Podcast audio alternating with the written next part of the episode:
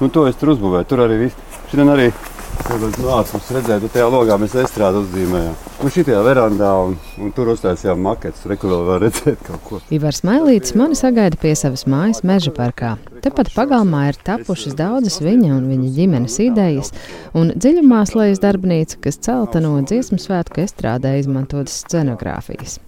Ar dziesmu svētkiem un meža parka estrādi Ivars Mailītis un viņa ģimene saistīti jau vismaz 30 gadu. Nu, taču silti, jā. Kad tā māja ir celta? Pirms tam 1897. gadā uzzīmēts projekts, nu, jā. 88. gadā apstiprināts un uzcelts iespējams 904.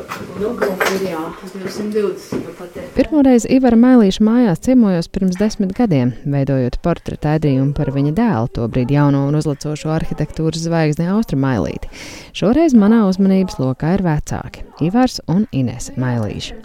Mēs apsēžamies uz tēju verandā un sākam sarunu par izstādi Mailīšu ģimenes domzīmes meža parka estrādē, kura bija iecerēta līdz februāra beigām, taču to pāragri izkonkurēja gadumīs korporatīvie pasākumi. No nu, tad, kad, Bet būtībā izstādē ir Rībara. Nu, jā, tāpēc mums ir Rībara. Tas ir mans redzējums par mūsu ģimenes domu zīmēm. Taču izstādes pamatā liktie stāsti paliek, un tieši tie šoreiz ir mūsu sarunas centrā. Par to, kā parādīt radošo procesu ģimenē un kāda ir idejas anatomija. À, šeit ir, jā, nu šī ir bildīte, nu te ir, te ir viens pagrieziens. Ivars Mēlītis rāda izstādes fotogrāfijas, un mēs aizrunājamies par vienu no izstādes objektiem. Būri Anša Epnera vienīgajai spēlfilmai pēc Alberta Bela romāna Būris motīviem. Mēlītis bija filmas mākslinieks. Bet šis ir tas gaišais gals, un tad mums ir būris. Nu, stāsts par uh, būri. Tad tas ir gan Alberta Bela, zināmais būris, par ko viņš arī, mūža balvu saņem. Jā, filmā bijām, bijām mākslinieki, Anna Šefner, un šeit pagalmā mēs viņu arī metinājām, taisījām, darījām un zīmējām daudz, daudz, daudz, daudz variantus. Šis stāsts ir par personību un personības uh, robežām un, un, un, un var plašāk, par tautas robežām, pasaules robežām, par vispār domas robežām, par, par dažādām robežām, bet par, arī par spēju spēju to būru sadzīvot. Un es eh, vienā Ziemassvētku vakarā, pēdējā filmēšanas dienā, bija tāds eh, atkušana laiks. Es uztaisīju tur eh, no uh, slapja sniega kāpnes tajā būrī iekšā. Tās pašas padomju savienības kāpnes, tās pašas uh, Eizensteina kāpnes, kur mēs viņam uztaisījām jubilejas izstādi arsenāla ietvaros pie kongresa nama. Pat tas arī ir viens no stāstiem. Jā. Bet uh, tās pašas kāpnes, kas ir meklējušas estrādē, dziesmāta estrādē, kurām ir nozīme katram tam pakāpienam, tāpat kā padomju saimnības paviljonam. Bet šīs, te, bet šīs te kāpnes ieliku tajā būrī. Un, un, un, un, nu, tāpat vienkārši tur bija tas ledus, sāku taisīt un aizdomājos, cik tas ir superīgi, ka tu esi būrī Un tu taisīsi tās kāpnes, un tu, tu par to būri ar vienu tikai var uztaisīt. Man ir fotografijas, tas tikai ir iefilmēts, un tas ir arī plakātā. Jo tas, tas Ernsts skatījās, ko es tur ņemos, vai Ziemassvētku vakars mums visiem jābrauc atpakaļ. Bet es saku, pagaidi, man tur vēl vajag divas stundas, es tajā būrī ietaisīšu tās ledus kāpnes. Un viņas sasala, un tu viņām varēja iet. Tad tas būris tā kā šī istaba, drusku lielāks, nu, 16, 20 kvadrāti, nu, tāda liels tas būris. Un mēs pa viņu gājām. Jā. Pats Ivars Kans bija aizbraucis projām, un tur gāja tas, eh, nu, kā saka, viņa vietnieks, kaskadieris. Pa, tā, pa to manu ledu, un labi, ka viņš nes, nesajūta tas ledus. Un tas ir vēl viens stāsts, kur ir, eh, kā tu vari sameklēt savus robežas, cik tālu var iet. Mēs zinām, ka pasaulē šobrīd 2000 konkursi ir atvērti, minimums, kuros mēs varam piedalīties un, un startēt ar savu profesiju, savām zināšanām. Mēs viņās nepiedalāmies, mēs vienkārši tā kā domājam, ka Kur tu mēs visur, jā? Mums tā labāk ir Latvijā, te viss te uz vietas, visu zina. Bet vispār viss pasauli ir vaļā, viss ir brīvs, mēs varam strādāt visur, visur. Singapūrā vai kā. Bet šis te būris mums traucē to izdarīt. To būri mēs paši sev izstrādājam. Mēs strādājot ārzemēs kaut kur, darbojoties ļoti tālu, zinām, ka Latvijā neviens par to nezinās. Mums atbraucam šeit, neviens nav dzirdējis neko par, ne par ekspo, ne par ko mēs tur Spānijā darām. Tas, ka mēs vienkārši tur uh, uztaisījām padomu savienības paviljonu, jo pirmkārt jau cilvēki nezina, kas ir tas ekspo. Bet uh, tie mūsu bērni no pašas bērnības redzēja, kā valstis uh, sevi prezentē, jeb, jeb izrāda pasaulē, ko viņas domā. Ieklausieties, cik daudz tēmu mākslinieks piemin vienā elpas vilcienā filma, ekspo, meža parka estrāde, bērni. Ap šīm tēmām lielā mērā arī grozās mūsu gandrīz trīs stundas garā saruna, jo katrs impulss ir uzšvirkstī kāds sērkociņš un atkal seko kāds stāsts. Un tad, kad veido to darbu, tad jau notiek iekšējā diskusija nepārtraukti, jebkuru darbu. Jo mums tie darbi ir saistīti ar sabiedriskām lietām, scenogrāfiju, ar dramaturģiju. Viņa nav glezna viena, ka tur pabeigts, ja tur klusumā viens varbūt gleznoja, ka tur neizklāt. Šie darbi visi ir saistīti ar sabiedrību. Tā ir publiskā tāpa, kuru mēs apgūstam. Un šajā publiskajā telpā mēs runājam ar sabiedrību, ar visiem, arī ar saviem bērniem, ar saviem kaimiņiem. Aicinām iekšā kādu plēnci, kas te nāk, un lai viņš paskaties, kas te mums ir. Un tad viņš savā dubultā redzēja, redz tur kaut ko citu, kā piemēra to saka. Ja? Bet viņš kaut ko redz tur. Un tāpat kā bērni kaut ko citu sajūt, tāpat tas, kas iet garām pa ielu, mēs dzīvojam tādā nu, privātā mājā, kur pagāms ir pie ielas, un mūsu darbs var redzēt ļoti bieži. Viņi nāk, viņi diskutē ar mums. Tāpēc mēs testējam jau to savā pagalmā, pret ielu pavērstu kopā ar bērniem, kopā ar sabiedrību. Viņi jau top testa, testa režīmā. Bet tieši šis man visvairāk ir interesējis un intriģējis. Tā gatavība un uzdrošināšanās iet tajā publiskajā telpā ar savu mākslu, ar savu redzējumu, ar scenogrāfiju un dramaturģiju, kas tur ir un būs. Un nevienmēr visiem patiks, bet jūs jau no paša sākuma esat ar lielu mērogu tam piegājuši. Expo, paviljonu, dziesmu svētku, visas scenogrāfijas. Kāda ir tā jūsu motivācija to tomēr darīt par spīti tam, ka bieži vien viedokļi būs ļoti atšķirīgi? Ziniet, tur ir liela, liela daļa intuīcijas. Ir šķiet, ka kaut kāda, nu, es, es sevi varu teikt, tā es arī Inesēju. Es, es vairākas reizes teicu, tu zini, kā man šķiet, ka šitais ir nu, pilnīgi tas, kas ir ienācis prātā. Ka man šķiet, ka šeit ir vērts vienkārši tagad, nu, nenopirkt vēl kādu māju, vai vēl kādu kuģi, vai mašīnu, vai jahtu Bet ņemam šī, jo būs tur kaut kas. Un es, es izstāstīšu, kādā veidā tas, teiksim, rodās. Nu, viens no tiem piemēriem, kurus arī tagad, nu, mēs tagad eksponējam tajās, tajā savā izstādē, ir tāds. Ja? Nu, un šis ir stāsts par PSRS paviljonu Seviļas Expo Spānijā, jeb tā saucamo mauzoleju, ko Ivars Mailīts 80. gadu beigās projektēja kopā ar Juri Pogu un Aigaru Sparānu. Šis ir tāds. Jūs uztaisījāt mauzolēju, jeb zārku ar karu. Jā, mauzolēju Sovietu empāru. Un interesanti, ka viņi mēs arī realizējām. Gandrīz tādu kā uztaisījām, bet tur bija tāds moments, un tur ir tā, un tad ir jānopērk par 20 rubļiem. Tur tas nolikums, jā, nolikums ir. Es lasīju trīs mēnešus no nolikuma un analizēju. Es viņu pārrakstīju un pierakstīju. Tā ir bieza grāmata. Tas ir nolikums konkursam visai padomu saimībai. Tas nolikums ir pa visu pieredzi, kāda līdz šim bijusi, ko izdarījusi ir kādreiz. Starp citu, Ročenko iesāka tādu kā supremātismu, tas ir Beļģijas paviljons ja, un tā tālāk. Šīs vēstures ir vērts zināt, ja visas tās, lai pie tā ķertos klāt. Bet es pateikšu ļoti vienu konkrētu lietu, tāpēc mēs iesākām tēmu par to. Tā intuīcija darbojās tā, kā var uzminēt, varbūt var uzminēt. Vienkārši nenormāli iedziļināties tēmā, tas ir vienkārši noanalizēt līdz pēdējiem, līdz nogurumam vienkārši, līdz, nu, cik vienmēr. Un tā kā es galīgi nevaru, bet nu, es, es domāju, ka nu, tā uzņēmība ir e, iedziļināties. Un tur ir, nu, Spānijā kāpēc notiek? Tāpēc, ka Kolumbam ir jubileja, viņš Ameriku. Jā, tāpēc visi ir tagad, jā, baigi ļoti laimīgi tagad visi. Nu, tur ir sarakstīts tā, ka cilvēks atklāja pasauli, lai kļūtu laimīgs. Un es trīs mēnešus domāju, kaut kas nav baigi riktīgi. Un padomu zemes versija arī nedod tādu impulsu, ka tā, kā tu vari atklāt tos indiāņus tie indiāņi varbūt tevi atklāja. Nu, kā tas tā var būt? Tu aizbrauc kaut ko atklāji, it kā tu būtu tagad baigais. Es vienkārši vienmēr domāju, un man ir palicis atmiņā pirmā kursa mākslas akadēmijā Pētera Mārtiņsona teikums. Un viņš teica tādus vārdus. Viņš teica, nu, tagad, pirmajā lekcijā, pirmo teikumu. Man šķiet, ka mēs tagad mākslas akadēmijā austīdams bārdu mācīsimies manā priekšmetā kompozīciju. Un tajā kompozīcijā mēs mācīsimies piešūt mēteli pie pogas. Atceros, kā šodien tādu teicienu. Un šis teiciens stāv dzīvē prātā. Un es iedomājos par to, tagad pat atgriežoties pie tā ekspo. Tātad Kolumbs atklāja pasauli, lai kļūtu laimīgs. Nu, kolosāls absurds vienkārši. Bet tāda ir devīzes izdomāta Parīzē. Pasaules gudrās galvas salikušās kopā, ģenerāla komisārioze visām Soviet section, France section un English section, visi sabrauc kopā un izgudro ģeniālu frāzi, un tagad mēs visi rullēsim pēc šīs frāzes, ja. Un es savā prātā pēc trijiem mēnešiem šeit mājās izdomāju, cik tas ir absurdi.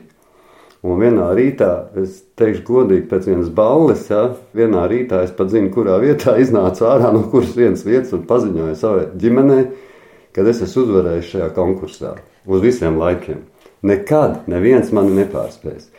Un forma man jau arī ir skaidri zināma. Es no mazmaiņas iznācu. un es paziņoju, ka es esmu vinnējis konkursā. Es neko nebiju izdarījis. Protams, es jau pirms tam neticēju. Ne, Ines man trau, viņa, viņa man nepārtraukti slānīja par to, ka es trīs mēnešus varu vienkārši sēdēt papīros. Ja? Nu, līdz ausīm. Kā jūs to atceraties? Es, es bļaustīju pa, pa māju. Nu, kā, nu, tas bija mans manifests. Nu, ko viņš vispār tur runā? Nē, es kā rakos viņš, kā viņš var vinēt kaut kādā konkursā. Savu padomu savienībā. Padomu savienībā konkursā. 800 projektu bija. Nereāli. Cik jums bija gadi? Es nezinu, jārēķina. Jārēķina, cik gadi. Uz bērni bija šitādi. Tad mums bija kādi, nezinu, kādi 30 tur. Mēs bijām jaunāk kā Austris tagad, es nezinu. Nu jā, un tad es tā, tā, izteicu manifestu. Un es esmu pilnīgi pārliecināts, un no tā tēmas sauc, nevis cilvēks atklāja pasauli, lai kļūtu laimīgs, ka tas ir egoistiski, bet absolūti otrādāk. Mēteli jāpiešķir pie pogas. Cilvēks taču atklāja sevi, lai darītu pasauli laimīgu. Kas mums trūkst pasaulē? Mums trūkst gudrības, zināšana un gudru cilvēku, un, un nu, vienkārši sakarīgu cilvēku, kas notiek te visapkārt, nepārtraukti viens, viens otru kaut ko tur mēģina noslaktēt. Bet tā ir kaut kāda baigā gudrība Nu, taču atklāja sevī to no visu, ko tu vari atklāt, kas ir humāns. Nu, cerams, ka humāns. Jā. Un tāpēc uztaisīja lielas kāpnes.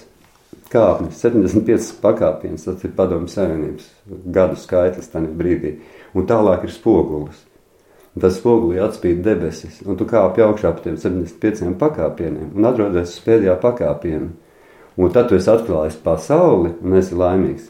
Nekā, tev ir jāatklāj next step, Tev ir vienkārši jāatklāj sevi jauda, sevi enerģija un savus atklājumus, atklājumu ērā, kā viņa apakšu izrakstā raksta, lai tu ietu tālāk. Un lūk, vairs nav šis te, ka cilvēks atklāja pasauli, lai kļūtu laimīgs. Viņš ir apgriezts otrādāk. Cilvēks atklāja sevi, lai darītu pasauli laimīgu. Tas Bet ir. ideja jau bija tāda, ka tas spogulis jau bija tāpēc, lai tas cilvēks ierauga tās debesis. Viņš ierauga tās debesis, un tālāk nav kur iet. Viņš ir starp debesīm un sevi. Vispār. Un ja viņš netaisa, neatklāja sevi nākošo pakāpienu, tad viņš apstājās savā iešanā. Viņš vairs neiet tālāk. Šādā radošā ideja mutulī izauga arī Ivar un Ineses Mailīšu dēli Austris un Matīs.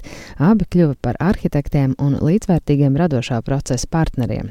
Arhitektūras un dizaina konceptu grupas Mailītis AIIM nosaukumu veido viņu vārdu pirmie burti - Austris, Ivars, Inese, Matīs. Inese, kura ir pasniedzēja Rīgas dizaina un mākslas vidusskolā, mūsu sarunā pārsvarā ir klausītāja, bet es lūdzu pastāstīt arī par viņas mēlīšu ģimenes domu zīmēm un nospiedumiem. Kā mēs sākām veidot savus nospiedumus? Tā kā mēs ar Iveru sapazināmies Mākslas akadēmijas korī senais kalns, tā viņi turpinājās. Pēdiņa pa pēdiņai, un tā mēs tipinam. ir, manuprāt, visi tie darbi un darbiņi un visa tā dzīve. Viņa, visi tie darbiņi ir tāda dzīve. Mums jau nav tā, ka mēs uh, ejam uz darbu, atnākam no darba, tad mājās sākās cita sadzīve, ka mēs, teiksim, bērnus mēs uz bērnu dārzu arī nevedām. Viņi dzīvoja mūsu tajā, mūsu vidē. Un, un, un Būtībā tā visa tā, tā ir tā mūsu dzīve. Tas darbs ir tā dzīve, un viņš ir vienkārši viens, viss vienā tādā kopumā. Viņš nav atsevišķi. Tā kā daudziem cilvēkiem ejam uz darbu, tagad mamma man teica, iet uz darbu. Nu, mums tā nebija. Mums tas darbs un tā darbība notika mājās, darbnīcā, tad objektos, visur, kur. Un arī tie bērni taču bija vienkārši no maziņām, maziņām peciņām iesaistīti mūsu dzīvē un darbos. Viņi tais darbos auga. Mēs sākām būvēt bērnu karuselīšus, Matīs zīmē savu versiju karuselim. Austris jau bija lielāks, viņš uzreiz projektēja tādu maketu, un maketu, kurš jau darbojās vidē, jau griežās, jau sarežģītāks. Nu, un katram būtībā, nu, cik es novēroju, tad katram mūsu tādam darbam un objektam, viņiem bija savi, savi redzējumi, un savi risinājumi un savas versijas. Pirms gandrīz 20 gadiem savus risinājumus un versijas Mailīšs spēja sakausēt kopīgā koncepcijā 2007. gadā uzvarot starptautiskā konkursā par meža parka lielās estrādes pārbūvi. Arhitektūras risinājuma autori bija Jūra Pogas birojas, bet arhitektonisko un māksliniecisko koncepciju radīja Ivars Austris un Matīs Smailīši. Matīsa šodien mūsu vidū vairs nav. Pirms astoņiem gadiem viņš zaudēja dzīvību auto avārijā, bet viņu kopīgais darbs bērnu saņēma kultūras izcilības balvu. Mēs darbus tiešām pat desmitiem gadu desmitiem taisām kopā, jo tas ir 20 gadu darba periods, dziesmāk estrādi. Nu, ja man tagad jāsaka, ko nevajadzētu man teikt, ja, ka puikas jau bija studenti. Būtībā atbildība tādā brīdī uzņēmos es. Bet es pat pastāstīšu. Bet Matīs jau bija. Matīs jau bija Laikam pirmajā kursā. Vienalga, vai viņš būtu pirmajā tajā vai pēdējā lietušķajā Nu jā, skolā, tas viņš baigo pienesumu jā. izdarīja. Jo Austris jau uh, arhitektos mācījās ilgi. Un tagad es tajā Jo tad, kad, piemēram, bija tas Šanhajas projekts Nu, 2010. gadā, jā. Nē, pirmais jau bija šis, Jā, kad es teicu Austrija. projekts, kad- Visi brauc uz ārzemēm un šausmīgi jūsmā un vienkārši, wow, es esmu Holandē. Nu, brīnišķīgi, ka tu esi Holandē, bet ko tu tur dari tajā Holandē? Tu vien- vienkārši neko tur nedari. Tu klausies kaut lekcijas, tu vienkārši Nu, nu, nezini, domā par uzzīmēt. Es vienkārši runāju par to, Viņa apmaiņas kādā. Viņa apmaiņas programma bija pagāmā vienkārši sataisīt maketu, vienkārši sidrā birzī. Es saku, ko tu āksties? Uztaisam šito te, tu ņem akadēmisko augstskolu, tev nav ne tuvu, nebūs tik svarīgi. Mēs ar uh, Juri Pogu nesen esam pasaulē vairākus paviljonus uzbūvējuši. Re, kur ir projekti? Redz, kā to izdara.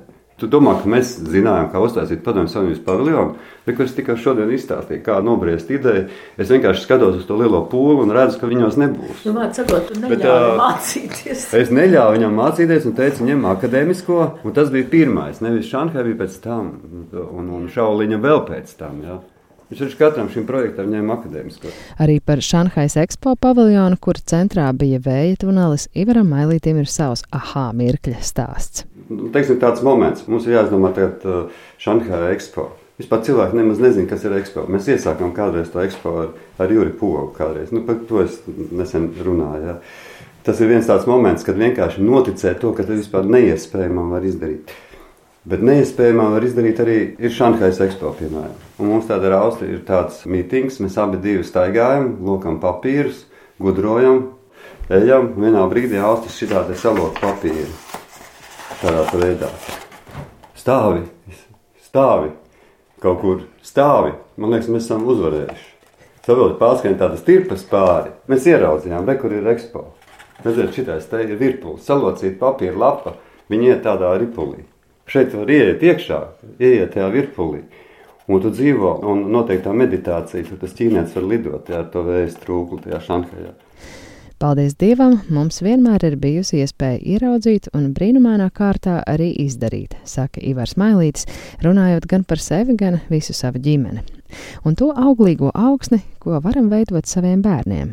Aizrakties līdz lietu tiešām būtībai. Tas ir ļoti svarīgi.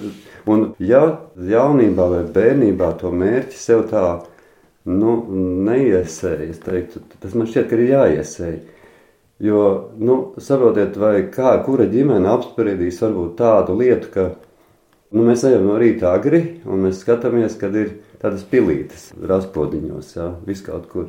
Nu, kur viņas uzradās? Lietas taču nelīja. Zirnekļu tīklos ir pilīts saulē no rīta spītās pilieniņi. Kā viņi tur tā radās? No kurienes? Un tad tu skaties, viņi ir tādi maziņi. Un lietas pila arī pila vienmēr vienāda. Un kāpēc tad, teiksim, ar bērniem neuzspriest jautājumu, kā būtu, ja tā lietus pila būtu, teiksim, divus metrus augsta? Tāda, ja tāda kristu. Kā tad mums dzīvo? Bet kāpēc viņa krīt vienmēr šitādi? Kāpēc viņa spēja aiziet pa koku augšā? Nu, kāpēc starp diviem stikliem tas ūdens uzlien debesīs? Kāpēc ir spainīgi ielikt lupatu, pārnest pār malu, un ūdens spainis ir tukšs otrā rītā? Nu, kāpēc tas tā ir? ja tu tā kā tādā rengenā redzi tā, to dabas uzbūvi, nu tā pile nav mājas izmērā, savādāk mēs vispār nedzīvotu, tā ūdens pile. Un viņai magnetiskais lauks, viņa tolerās kā bumbiņa, un tāpēc viņa ielien tur starp diviem stikliem desmit stāvu mājas augstumā. Nu, ir daudz, kas jāzina, daudz, kas jāsajūt, daudz, kas jāredz jau bērnībā, un ja tie vecāki tev tā neierāda kaut ko drusciņu, ka redz, tas notiek tā, tad viņš šo te parādību arī šo metodi, kā uztvert pasauli. Nu, iedomājieties, smadzenes tādas, tādas, tādas arī tā kā tāds horizonts. Un, ja tu bērnībā tam bērnam tajās vietiņās tā ar diviem pirkstiem nepaņem, tāds austiņas kā cepurītē neuztais uz augšu, ja, tāds uztveres tornīšs. Un šis uztveres tornīšu kods, kurš tā kā radziņu uz galvas, uz smadzenēm pacelt vai iesildīt, viņi tādā brīdī to pasauli arī kā tādu gliemeziņu divi, jā, bet cilvēks viņam var būt 20. Un tu esi pacēlis, viņš ar tiem 20 radziņiem uztver to pasauli. Tad viņš viņu paņem to informāciju un saliekās viss kopā. Un tad ir necilvēcisks, es teiktu tā, nu, brašs darbs, izpētes darbs. Kas pasaulē, kāpēc, un kā tie procesi, un kā tās tehnoloģijas, un kāds ir laikmets, un kāda ir stila, un kā, kā tas viss mainās, un kā tas viss izmainās. Nu, šis ir radošā procesa, tas moments, tu ilgi domā, tu visu kaut kā tur saliec, un pēkšņi salocījās lapa, un es raucu, šitais ir, nu mums viss ir. Ivars Mailītis daudzkārt bijis dziesmu svētku scenogrāfs, radot jēgpilnus un iedarbīgus vizuālos tēlus un pats emocionāli saugot ar šo vietu. Un savā ziņā tieši Meža parka lielā estrāde arī bijusi viens no atspēriena punktiem, kāpēc veidot ģimenes izstādi. Turklāt tā bija skatāma pašā estrādē, pie kuras kā pie magnēta atkal un atkal atgriežas mūsu saruna. Tad, kad mēs visi kopā šeit strādājam, radām, mēs paši nevaram novilkt robežas, un mēs pat sastrīdamies bieži, kurš ir ko izdomājis, kurā brīdī, un, un kurš ir tas, to fenomenālo soli, tur, ko tur izdarījis. Nu, piemēram, mēs Alsu beigās esam novienojušies, ka mēs 50-50 esam izdomājuši. Nu, mēs mūsu ģimenē radās Sidra Birs. Gan zīmējumi, gan idejas, gan tam līdzīgi. Austris uzzīmē to zīmējumu, es izdomāju to stāstu. Un, un es pateicu arī tā, ka šādā veidā darot, ka mums ir tas kalns ir mantojums un ka birs ir. Sidrā birs ir, var izaugt tikai uz mūsu mantojumu. Un tā meža parka estrāde ir rīts. Mm. Tas, ir, tas ir tas horizonts, kur es parādīju zīmējumus, un filmu tādu taisnu. Un, un, un arī esam iefilmējuši, kur es stāstu mazajai meitenītei, mēs no rīta ejam skatīties rītās, un es uzzīmēju to horizontu, un es saku, redz, tur saulausīs. Un viņi iezīmē to gaismu, un tad tā virs tur var sākt augt. Bet tas ir jāredz kārst kaut kā visiem kopā. Bet viņš var augt tikai uz mūsu mantojumu. Tas koks, ko sauc par sidrava birzi, tas simbols, kas mūsu līgo karogā, atverot pasu pirmajā lapā pakreiz. Un ja mēs šito te visu saliekam kopā, mums izveidojās stāstniņš. Turklāt es vēl pateikšu, kur var atrast to visu. Jūs atveriet vecā laika Šņitņiko estrādi, 54. gada veco estrādi. Un tur augšā ir tāda ornamentāla josliņa. Mm. Vienā koncertā dekoratori bija uzlikuši to josliņu uz leju. Es ar uh, smieklīgi, es te Inesai rādīju. Vienkārši viņi acīm redzot nezina, ka tas kociņš ir. Bet es to ir parādīšu, jā. Tas kociņš ir šāds. Saulīti ir, ja kādi būtu ornamenti, zin, nu, cilvēki zinātu, jā. Un šo te virzinieks saglabāja vienīgo elementu, kā es strādāju no savas tautas. Kāpēc? Tāpēc centrālā komiteja partijas komiteja Maskavai pateikusi, ka katra valsts ir, lai izvēlās savu ornamentu, lai var atšķirt uzbekus no latviešiem. Un tas birznieks bija izvēlējies šo te austras koku. Tad mums ir horizons, uz kura aug tas austras koks, bet viņš jau vecā aizstrādē bija. Un paskatieties, ja mēs pieliekam divus kociņus, zīmējā spoguļu attēlā, salieciet šādā veidā. Vairākas kociņas ir, kur kā viņi aug. Un kas tas tur ir? Un tad mēs pieliekam saulīti rombiņu, 550 gabalus, Mēs strādājam uz kalnu sarunu. Pašlaik Ivars Mailītis ar domu biedriem strādā pie filmas par Sidraba virsmas tapšanu, un sarunas noslēgumā parāda man darba materiālu.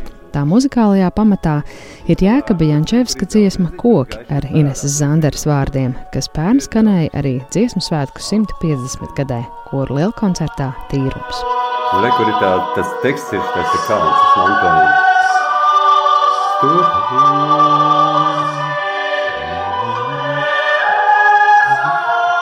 Tā ir mīļākā dziesma no šī repertuāra.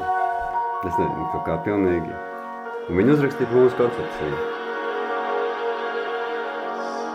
Debesis. Debes izaudzē mūs par kokiem.